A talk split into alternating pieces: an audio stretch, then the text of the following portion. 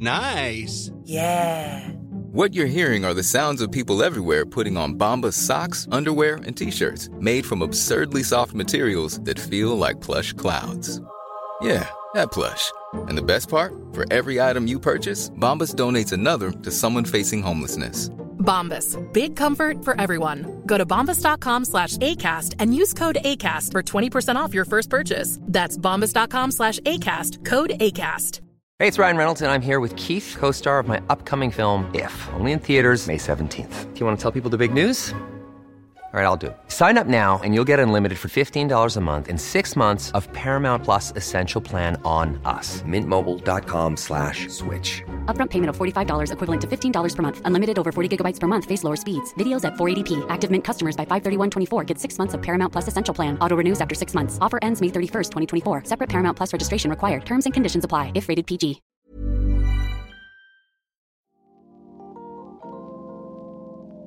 Det här är ett samtal med Linnea Lindqvist, biträdande rektor på Hammarkullsskolan i Göteborg. Debattör i utbildningsfrågor och aktuell med boken Att vända en skola. Vi pratar om hur man som rektor och pedagog egentligen ska göra när barn med obefintliga kunskaper i svenska språket börjar på lågstadiet. Vad krävs för att ge dem en ordentlig start i livet? Vi talade också om hur Linnea ser på politikens roll i utbildningsfrågor. Trots att skolan är en av de viktigaste frågorna för väljare är svensk skola på väg utför på många sätt. Linnea berättar också om hur hon ser på friskolesystemet och hur man kan fixa det. Mycket nöje.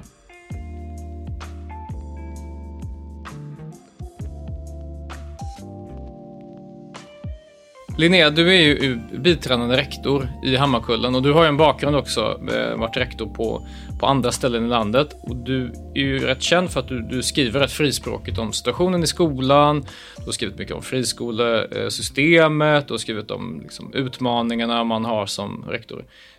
Berätta om det nu är så himla svårt och, eh, och utmanande, eh, varför fortsätter du? Nej, men det, ja, det är utmanande, men det är därför det är roligt också. Jag brukar ju säga att eh, Hammarkullen är ett särskilt roligt område att arbeta i. Eh, polisen benämner det särskilt utsatt, men det är också det är väldigt roligt att jobba med den här elevgruppen. Så det är väl det som driver mig att fortsätta. Jag har inte jobbat i så mycket andra områden, så jag kan ju inte jämföra. Det skulle säkert vara mycket svårare för mig att börja jobba i hus, kanske i Hovås.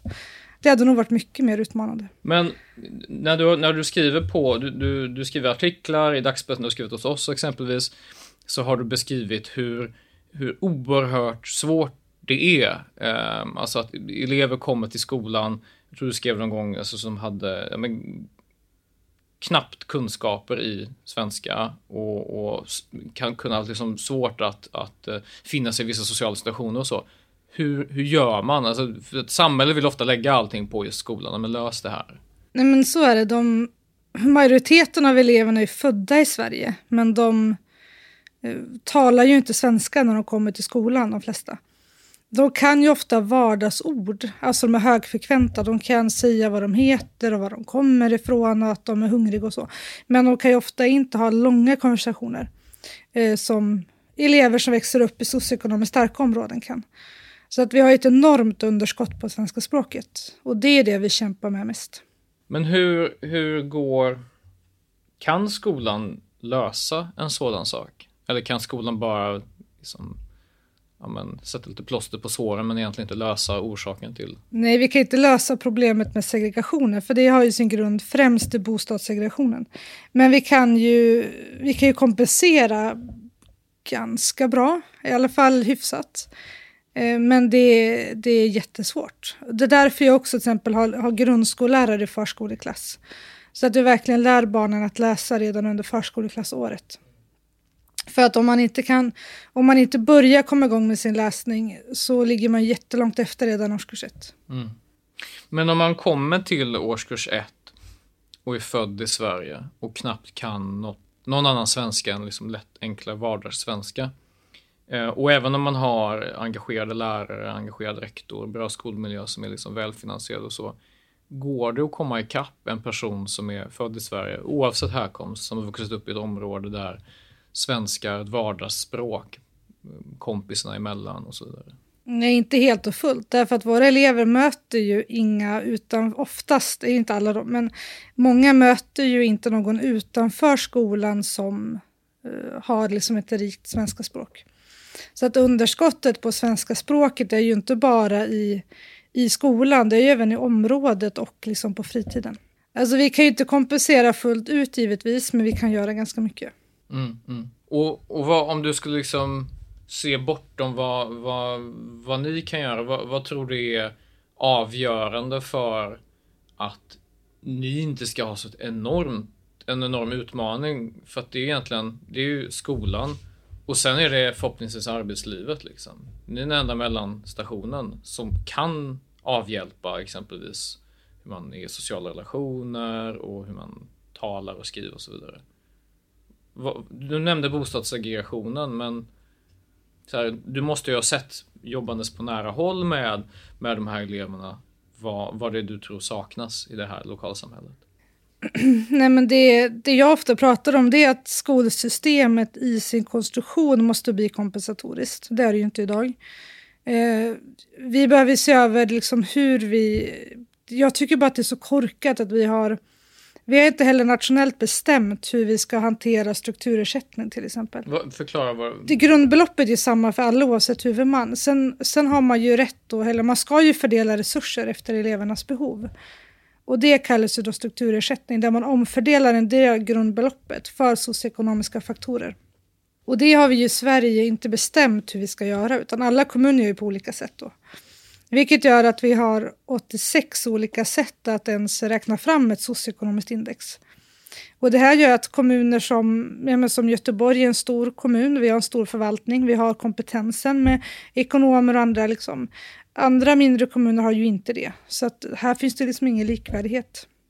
Så att det, jag har ju gått igenom alla 290 resursfördelningsmodeller och det, det är många som har en modell som, liksom in, som jag direkt, som ändå inte är någon expert på det här, kan se att det inte ger maximal effekt. Men det är väl ändå så, om man ska förenkla, det är väl ändå så, även om det kanske inte sker på ett bra sätt, att en elev i exempelvis eh, Hammarkullen eller Bergsjön eller Biskop, per elev så får man ju mer pengar där än i liksom Hovås eller Örgryte? Ja, grundbeloppet är samma, men strukturersättningen är högre för oss givetvis. Mm, mm. För att jag har ju bara drygt, det är cirka 25 procent föräldrar med eftergymnasial utbildning. Mm. Medan man kanske Hovis har 85 procent eller 90 procent föräldrar med eftergymnasial utbildning. Så jag har ju det totala beloppet per elev är ju högre givetvis.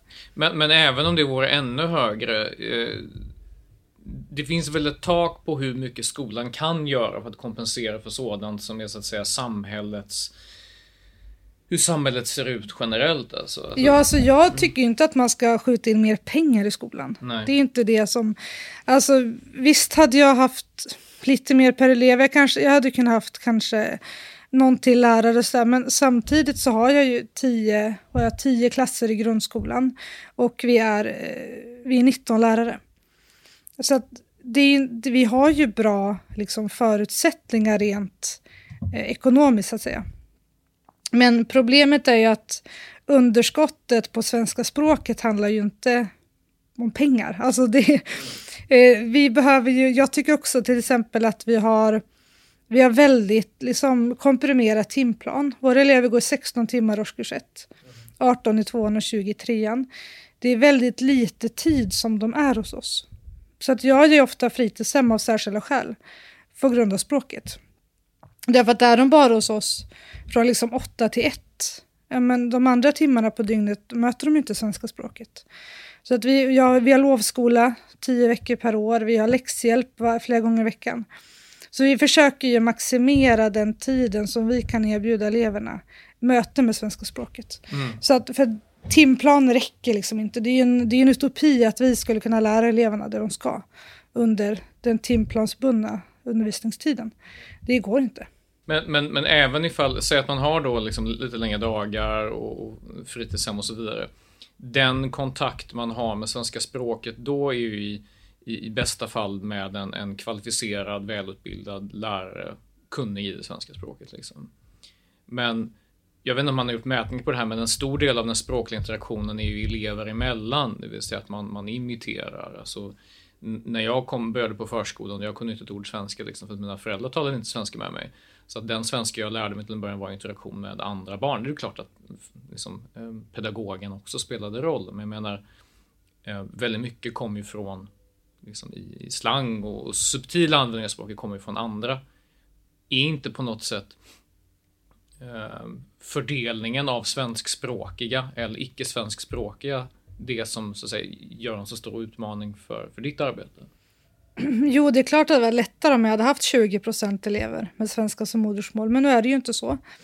Eh, och jag tänker att i takt med att, vi, att eleverna lär sig mer svenska och vi jobb, då vi märker också att när eleverna lär sig svenska så använder de ju mer svenska med varandra. Vi upplever ju att, när, att det, i takt med att de blir äldre, desto mindre, lägre utsträckning pratar de modersmålet med varandra. Därför att du, pra, du, du pratar ju på det språk som du är bekväm med, så att säga. Mm. Så att det, men det är klart att, jag menar, det är som det är. Eh, och vi försöker ju givetvis göra allt vi kan. Men vi kan ju aldrig nå liksom ända fram. Mm. Eh, tror man det kommer man ju stressa ihjäl sig. Och jättemycket liksom, dåligt samvete. Det kan man ju inte ha. Nej. Utan vi gör, vi gör vårt bästa, mer kan vi inte göra. Nej. Och vad, vad, när, när man har de här, den här utmaningen med att på något sätt eh, att språkkunskapen är så liksom, ofta obefintlig även bland de som är födda i landet.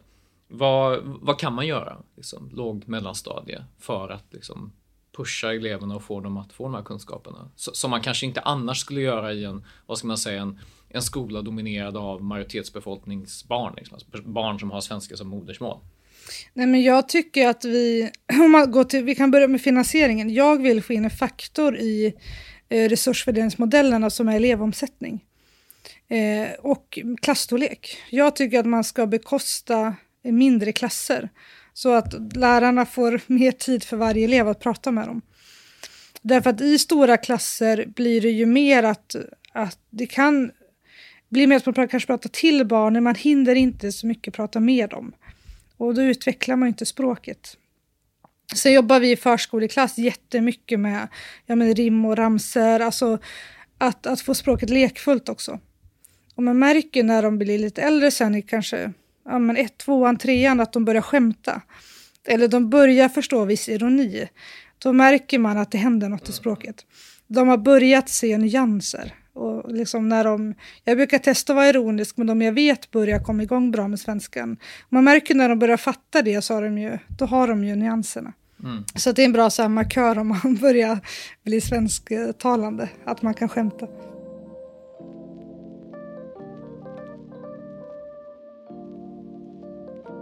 Du, du nämnde så att om man, om, man, om man sätter målen för högt eller om man tänker att man ska ansvara för, för att liksom, om man tar för mycket ansvar så kan man stressa ihjäl sig. Men, men är det inte rätt ofta så att, att lärare kanske, det här kanske är fördomsfullt från, från min sida, att de kanske inte söker sig till områden där man har den här sortens utmaningar med väldigt lite språkkunskaper hemifrån och så? Eller, eller finner du tvärtom? Men jag tror att på lågstadiet tror jag ändå, nu har inte jag kollat statistiken, men där upplever jag att det är ganska lätt att rekrytera. Jag tror att det är svårare på högstadiet.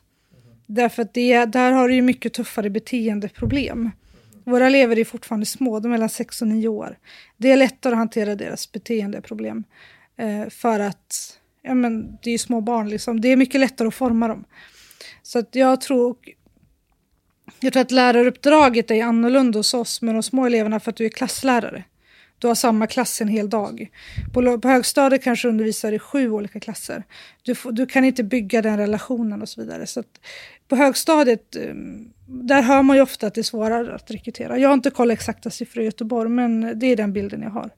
Jag har aldrig haft svårt att rekrytera.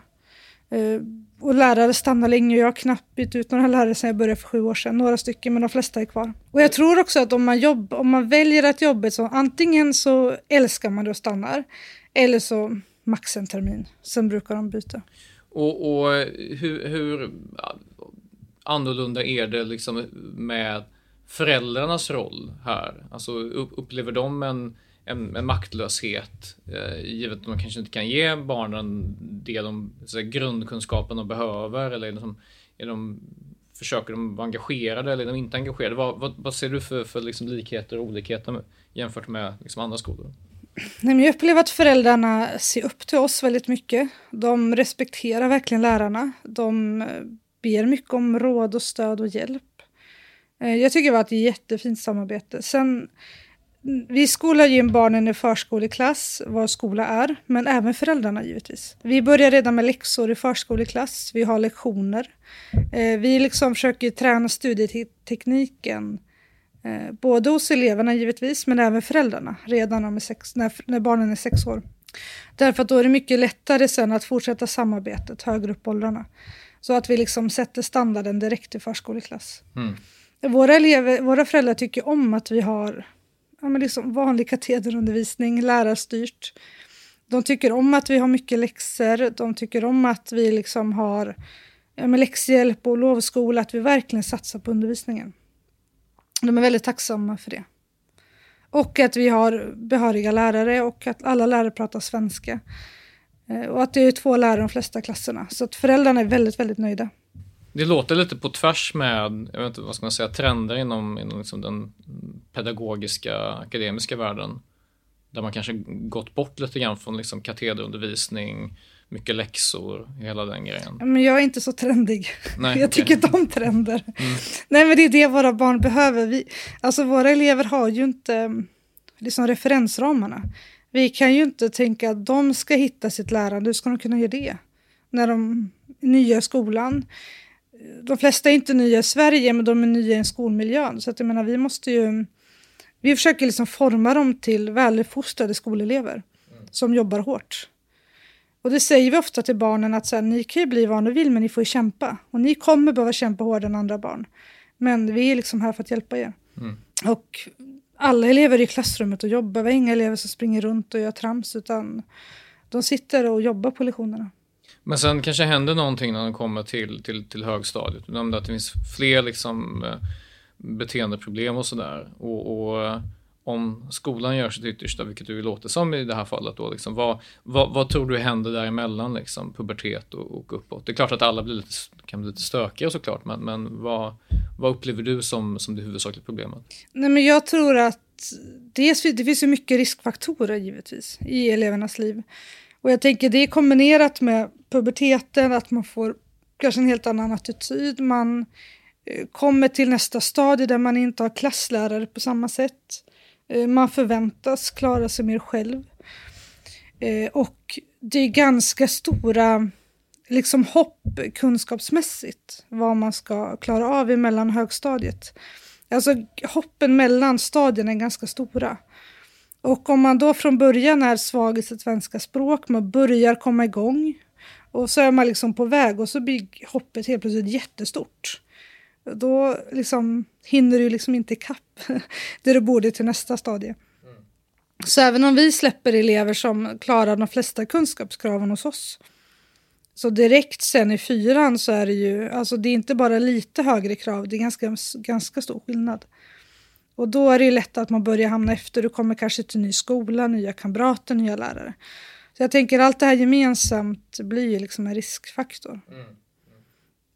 Så jag tycker det är bra nu i Göteborg att man, att man försöker liksom skapa skolenheter efter sex. Så att man inte behöver byta så ofta. Och jag tror att det är bra att man inte liksom har två, tre skolbyten under, under grundskolan. Mm,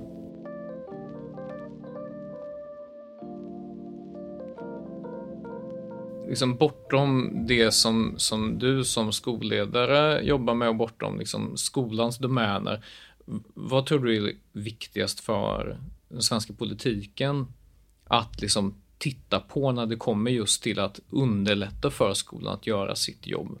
För att jag ser en trend att man, liksom, man lägger mer och mer ansvar på skolan. Skolan ska liksom spela alla olika roller. Liksom. Och skolan är såklart viktig, men det är, det är ett avgränsat uppdrag. Liksom. Skolan kan inte kompensera för sociala problem och segregation och liksom, vad det nu må vara. Liksom.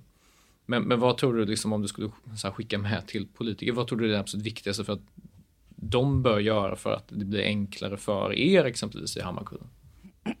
Nej, men jag tror att de, det, som, det som också är på gång det är att luckra upp sekretessen. Att, och sen tänker jag att man behöver... Varför då? Eh, ja, men därför att vi får inte prata med socialtjänst och polis om inte föräldrarna ger samtycke. Vi får inte prata elever till exempel.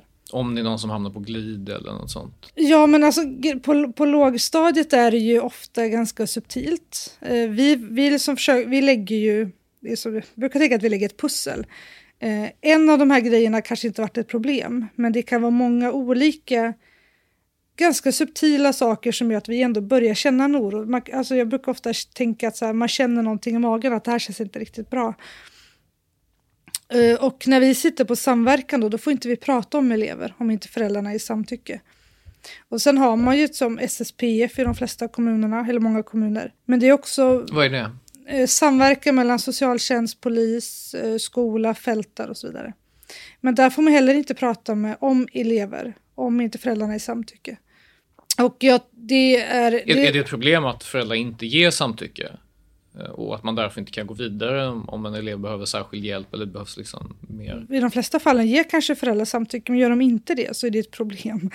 Eh, att man behöver, för det kan ju också vara så att föräldrar inte ser Alltså de kanske inte ser samma sak som vi gör, de hör inte samma saker och ser inte samma saker. Så att de kanske tycker att vi överdriver, men den här när vi börjar se de här, att det börjar bli problemskapande beteende, då tänker jag då behöver vi agera snabbt. Och den här samverkan i de flesta kommuner finns ju bara på högstadiet. Och jag tycker det är ganska sent att börja när man är som 13-14. Eh, ser man problembeteende tidigt så tänker jag att då ska vi givetvis agera tidigt. Så att det, jag tycker man behöver, så att vi kan prata fritt liksom. Mm, mm. Eh, hade varit bra. Mm. Så det är väl en sak som politiker sk skulle kunna göra. Och sen behöver man ju titta självklart brett på hela ja, men skolsystemet, hur det är uppbyggt, eh, hur man tänker kring bostadssegregationen mm. på lång sikt och så vidare. Vad tror du skulle behöva till där? Alltså, du behöver inte säga liksom exakt hur man bör göra, men vad, vad, vad, är, vad är ett bättre tillstånd än hur vi har det idag? Nej, men jag tycker att man borde ha mer blandade boendeformer till exempel. Eh, och jag tycker heller inte man ska typ få... blanda bostadsrätt, hyresrätt, ja, precis. villa. Mm, ja. ja. Och att man, att man faktiskt inte ska få bestämma vart man ska bosätta sig när man mm. kommer till Sverige. Det tycker jag att staten ska bestämma. Mm. Man ska bli anvisad. Och där liksom, eh, får man bo och gå skola. Ja, och det hindrar ju inte att folk sen flyttar. Nej, nej, men precis. Nej. Men nej. Alla, de har i alla fall mm. någonting. Jag vet att Bo Elgåner har ju varit, pratat mycket om e-bolagen att, eh, som de som har varit väldigt kritisk mot. Eh, hon som är KSO i Södertälje. Mm. Jag tycker det är en viktig poäng att titta på det. Mm, mm, mm. Men är det, ja, det kan, frågan är om det är möjligt ens. Det finns en del kommuner där liksom, nu visserligen personer med utrikes bakgrund eller som är invandrade, det är ju en väldigt heterogen grupp liksom, och vissa har jättegoda svenska kunskaper och vissa har sämre. Liksom. Men ehm, i vissa kommuner är det kanske svårt att, så att säga, flytta om människor så att det blir mer blandat. Nej, vi ska inte flytta om de som redan bor här, men man Nej. kan ju börja tänka framåt. Hur, mm. ska vi tänka kring bostadspolitiken? Mm, mm, mm, Finner du några skillnader mellan, mellan killar och tjejer när de tar det här steget från, liksom, från låg, låg mellanstadie till högstadie? För det har man hört ibland att, att unga tjejer, oavsett härkomst, eh, tycks klara sig bättre inom skolan än unga killar. Ja, tjejerna klarar sig bättre generellt. Så är det. Mm. Det är därför vi jobbar så himla mycket med studieteknik när de är små och liksom studievana. Eh, och att vi... Nej men det är bara så här, vet, nu förskoleklass, vi kör ju blockundervisning, vi har tagit bort lektioner. Så att i de flesta... Eh, sen har vi givetvis lektioner i de praktiska ämnena, men de teoretiska kör vi ofta block. Och då har vi undervisning från liksom kvart över åtta till lunch, elva eller halv tolv oftast. Utan paus. För att vi också vill träna uthållighet. Mm. Och det gynnar ju pojkarna jättemycket. Att de liksom sitter och jobbar flera timmar i sträck eh, och att vi pratar heller inte i termer om pojkarna inte skulle vilja studera. Det är klart att de vill. Utan vi utgår ifrån att de vill det. Och liksom kör ut. För det, det kan också bli liksom en, en sanning och så, här, så att pojkar inte skulle vilja plugga. Det är klart att de vill. Men vi måste ju visa då att vi kräver det av dem, tänker jag. Mm, mm. Så jag tänker att vi ska ha höga förväntningar, men vi ska ju... Vi behöver ju sitta, sätta liksom våra mål utifrån eh, de tillgängliga resurserna som vi har givetvis. Mm. Du har ju eh, rollen som, som eh, biträdande rektor ändå varit väldigt rätt offentlig. Liksom. Ja, men du, du säger vad du tycker liksom, i politiska frågor. Du har varit väldigt öppen eh, med din kritik mot, mot eh, friskolesystemet och så. Ehm, kan du dels berätta om eh, vad det är du har för tankar där. Men också så skulle jag vilja veta, eh, eftersom det är rätt ovanligt med personer som jobbar som men, tekniskt som tjänsteperson, tjänsteman, eh, som uttalar sig i frågor som rör politiken. Du får välja vilken ände du börjar där, men, men beskriv vad du, vad är dina tankar kring friskolesystemet och hur kommer det sig att du talar ut? Nej, men jag tycker det är viktigt att man som tjänsteman står upp för elevernas rätt till utbildning. Det är det som jag liksom... Allt jag gör, gör jag ju därför. Det är ingen annan. Jag hade helst sluppit, eller sluppit vad man ska säga. Men samtidigt så när jag satt där som ny chef, det var 11 år sedan, eh, med budgetansvar och jag var så här, det här går ju inte ihop. Jag, började, jag hittade tankesmedjan Balans på Twitter och började liksom själv läsa budgetar så småningom och såg att oj då, det var inte bara den här kommunen, utan det, det är ett generellt problem att man, man ställer krav på skolan som man inte resurssätter. Och det gjorde mig förbannad. Jag fattade att jag var lurad. Mm. att det var, det var liksom ett... Det, att det är en medveten strategi av politikerna. Och då, det Vad menar du med det? Kan du förklara? Nej, men alltså, det står i de flesta budgetarna att Eh, budget i balans är överordnat verksamhetens behov. Det innebär att politiker sanktionerar att jag som skolledare ska bryta mot lagen. Det är det de skriver. Och då menar jag på att då får de ta ansvar för det. Då, och jag sa någon gång till, till min dåvarande, då jobbade jag privat, eller på fristående verksamhet. Jag sa till min huvudman då att eh, jag vill ha skriftligt av det att jag ska bryta mot skollagen. Kommer Skolinspektionen så får du stå för det. Det kommer inte jag göra. Eh, jag har också tagit upp den diskussionen med tidigare chefer när vi var Angered stadsförvaltning just där att eh, jag vill ha i skrift om jag ska bryta mot skollagen. Då och, då menar du att, att eftersom det är överordnat att ha budgeten i balans vilket leder till att du inte kan utföra en eller annan uppgift då för att den kostar för mycket och då hamnar inte budgeten i balans. Ja, men det kan ju vara till exempel att ja, men elever behöver stöd eh, och den typen av, det är ofta det som kostar givetvis. Därför att stöd till elever innebär att någon person behöver ge dem stöd och personer kostar pengar i lön. Eh, och när man såg att det här var kommun efter kommun efter kommun, och så till slut så bestämde jag mig för fem år sedan att jag måste läsa alla.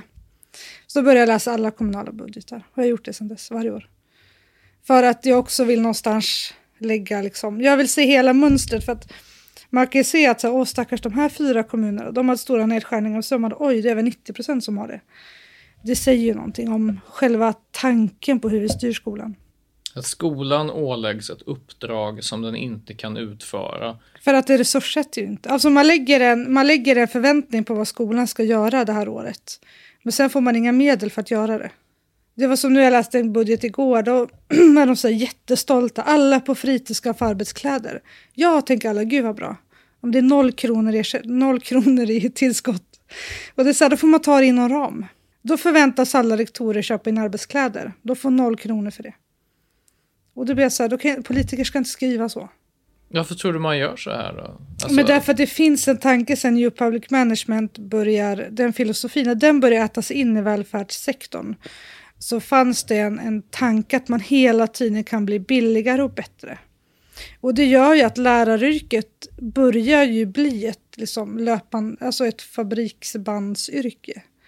Det är därför man har mycket så här, vi ska ha digitalisering, vi ska ha matriser, gemensam lektionsstruktur och allt vad det nu är. För att det är billigare. Mm. Alltså kreativa lärare med tryckt läromedel med ett luftigt schema så de kan föra och efterarbeta sin, sin undervisning är dyrt. Den, den undervisning som jag bedriver är jättedyr. Vi har tryckt läromedel i alla ämnen. Vi har lärare som inte har full undervisningstid för att jag vill att de ska få tid att andas så att de orkar. Men det är också att jag har nästan ingen sjukskriven. Ytterst få, någon, ytterst sällan någon lärare är sjuk. Men det gör också att det blir kontinuitet och det blir hög kvalitet. Men det kostar ju. Mm. Så det, det var det som gjorde att jag började liksom...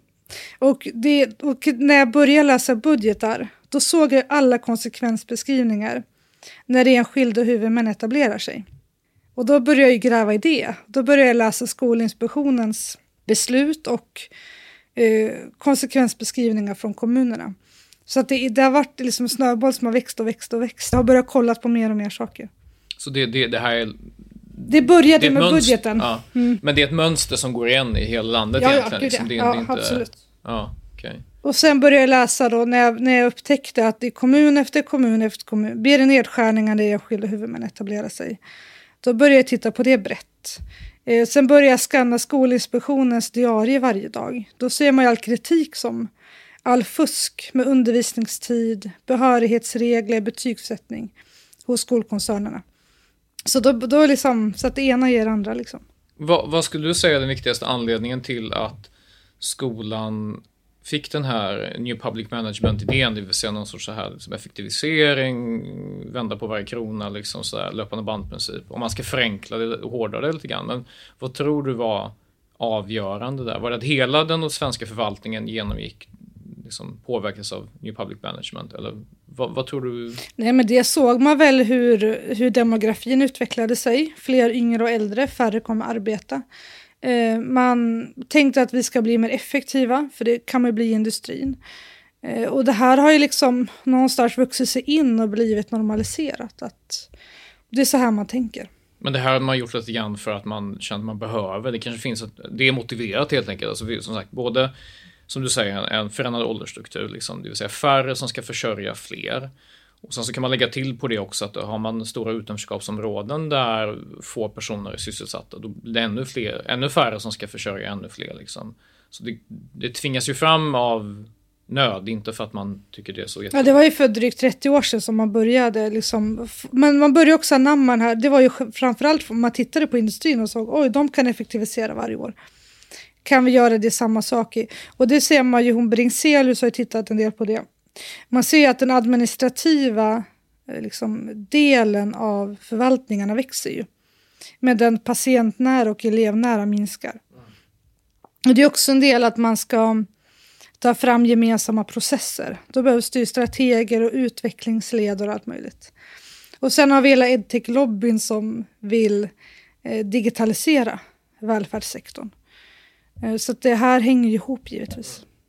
Kan man säga kanske att de professionsnära lärare, rektorer, Och det minskar ju om man ser fördelningen. Ja. läkare, det, det är ju samma sak inom Precis. sjukvården, att, att de är lite grann liksom nedtryckta. Och de blir ju, alltså skillnaden mellan andelen liksom elev och patientnära minskar ju. Men den administrativa överbyggnaden ökar. Och det är, det är en del i New Public Management-styrningen. Att man, man, ska, man tänker att man ska effektivisera genom att lö, göra yrkena till löpande bandyrken. Men då har man ju tappat hela poängen med att undervisa barn. Alltså så här, jag kan inte lä lära mina barn att läsa dubbelt så snabbt om två år. För att så här, det tar tid att lära sig alla bokstavsljud, kunna ljuda ihop strategierna och så vidare. Så att det... Nej men det började med budgetarna och sen har jag bara sett mer och mer knäppa saker som jag vill att eh, kartlägga. Liksom. Så det jag gör är egentligen ingenting konstigt. Jag läser på offentliga handlingar, kan alla göra. Men jag är väl kanske lite nördig och eh, går in liksom och lägger flera hundra timmar av min fritid på det. Men det är väldigt intressant när man ser hela mönstret. Och sen hela liksom lobby, eh, lobbyismen på det. Lobbyismen från friskolekoncerner eller vad? Framförallt för detta politiker. Som, som konstruerade systemet och nu görs en hacka på det. Genom att jobba för... Nej men om man tittar på de som konstruerade friskolesystemet. De äger ju skolkoncerner idag. Flera av dem. P. Emilsson, Ma- Ma- Hultin och de här. Mm. Och vad, vad, är din, vad är din kritik mot, mot friskolesystemet som nu har rätt många år på nacken?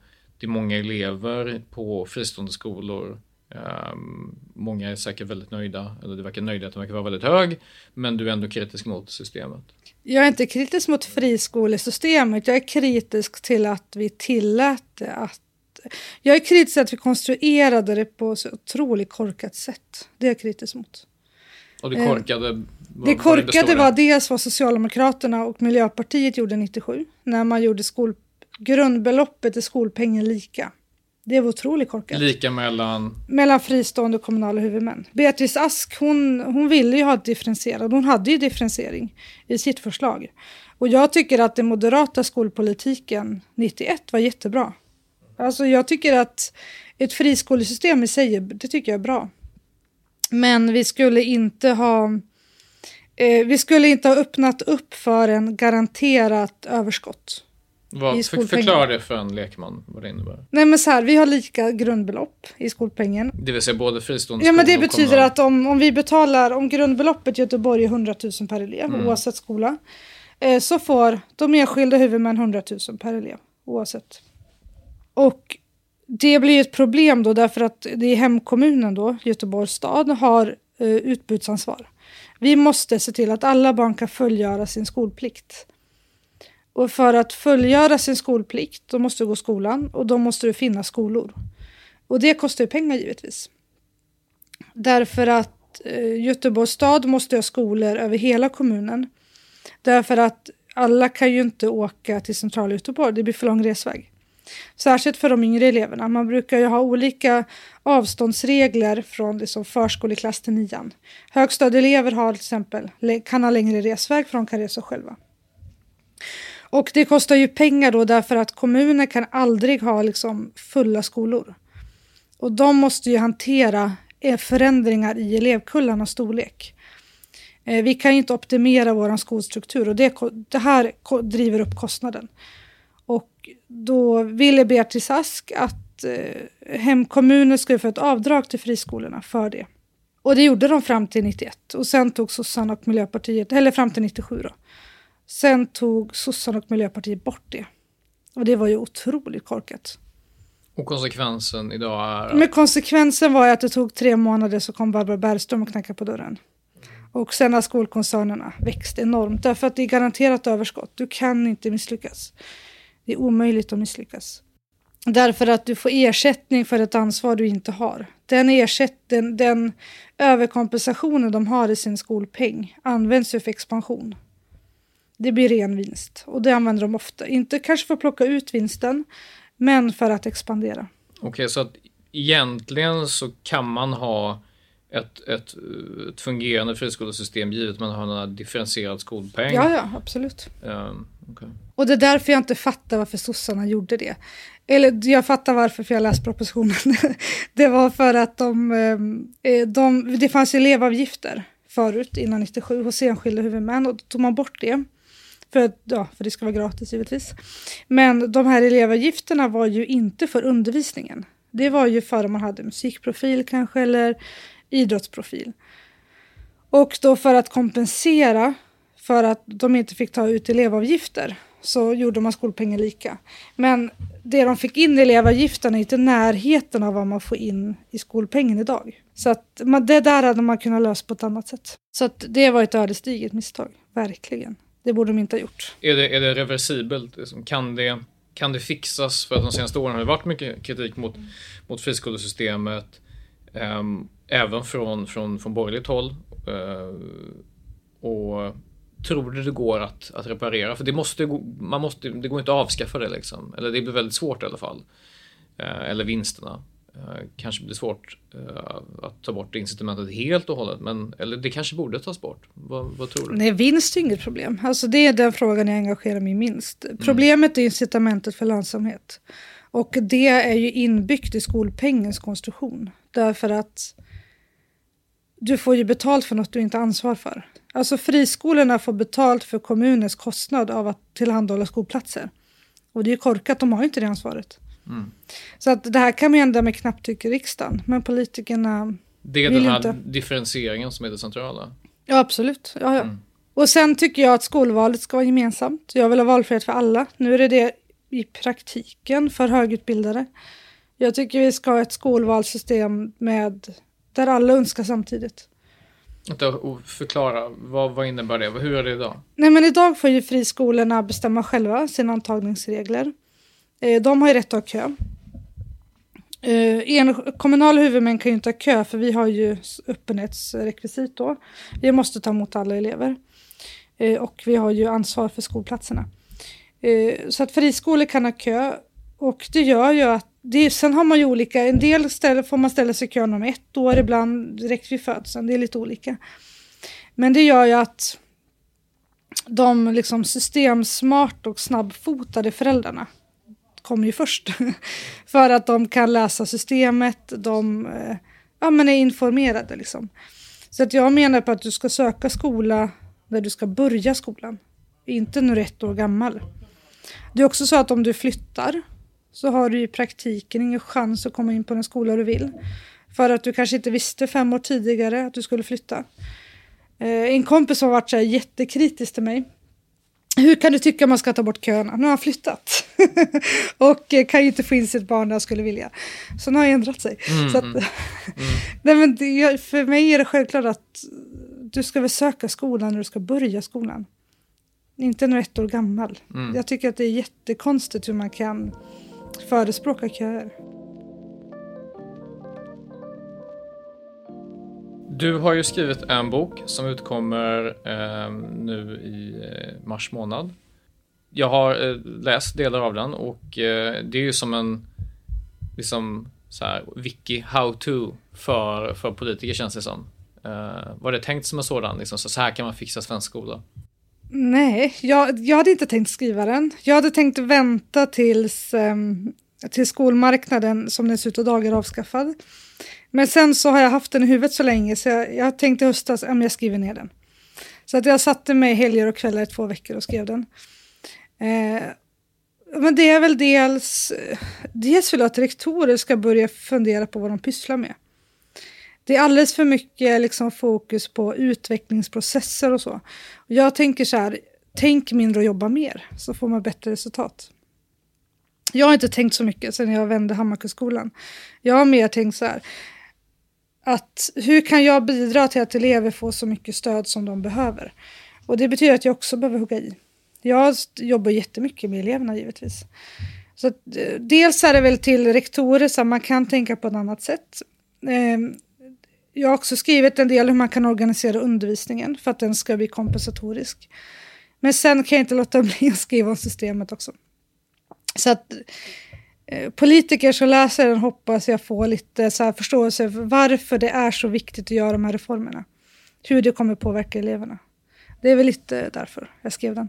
Jag hade tänkt vänta några år, men sen så, äh, nu, är den, nu är den skriven. Mm. Tror du att vi står inför några stora förändringar på, inom skolpolitiken? Alltså, skolfrågorna är väl ändå konsekvent rankas som en av de fem viktigaste frågorna för svenska väljare och har väl varit det så länge jag minns i alla fall i mätningar. Eh, och det har varit många diskussioner genom åren liksom under när Liberalerna drev betygsfrågan väldigt hårt och så vidare. Så det, det, det är alltid högt upp på dagordningen. Ehm, men, men ändå så tycks det ju som att svensk skola har rätt många problem. Och en del är kanske mer lättlösliga än andra. Liksom. Du nämnde ett exempel på hur man, kan, man med en knapptryckning kan förändra systemet. Liksom. Men varför verkar det ändå så svårt att förändra skolan? Eller kanske en ännu viktigare fråga, varför är det så svårt att titta på det riktigt viktiga istället för det kanske mindre viktiga? Jag vet hur, hur stor roll alltså Jag tror faktiskt tyvärr att det har att göra med att de som de som skapade systemet tjänar idag pengar på det. Jag tror att det är, jag tror att det är mycket där det stoppas. Eh, om man tittar på de som sitter på utbildningsdepartementet nu är det folk från eh, Almega, Friskolornas riksförbund, Timbro. Eh, skolministern har själv suttit i styrelsen för skolkoncern. Jag hoppas att de kommer genomföra det de säger, att de kommer våga dra det hela vägen.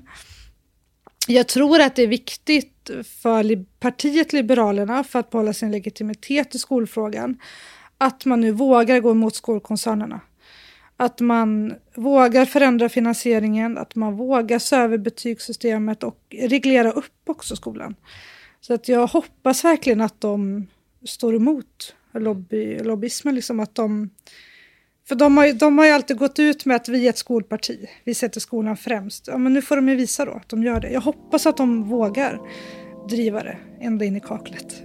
Men ja, vi får se. Linnea, tack så mycket för det här samtalet. Tack.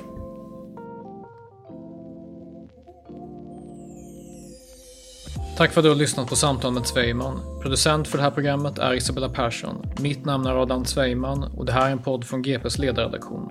Prenumerera gärna på podden så du inte missar något avsnitt. Vi hörs nästa gång.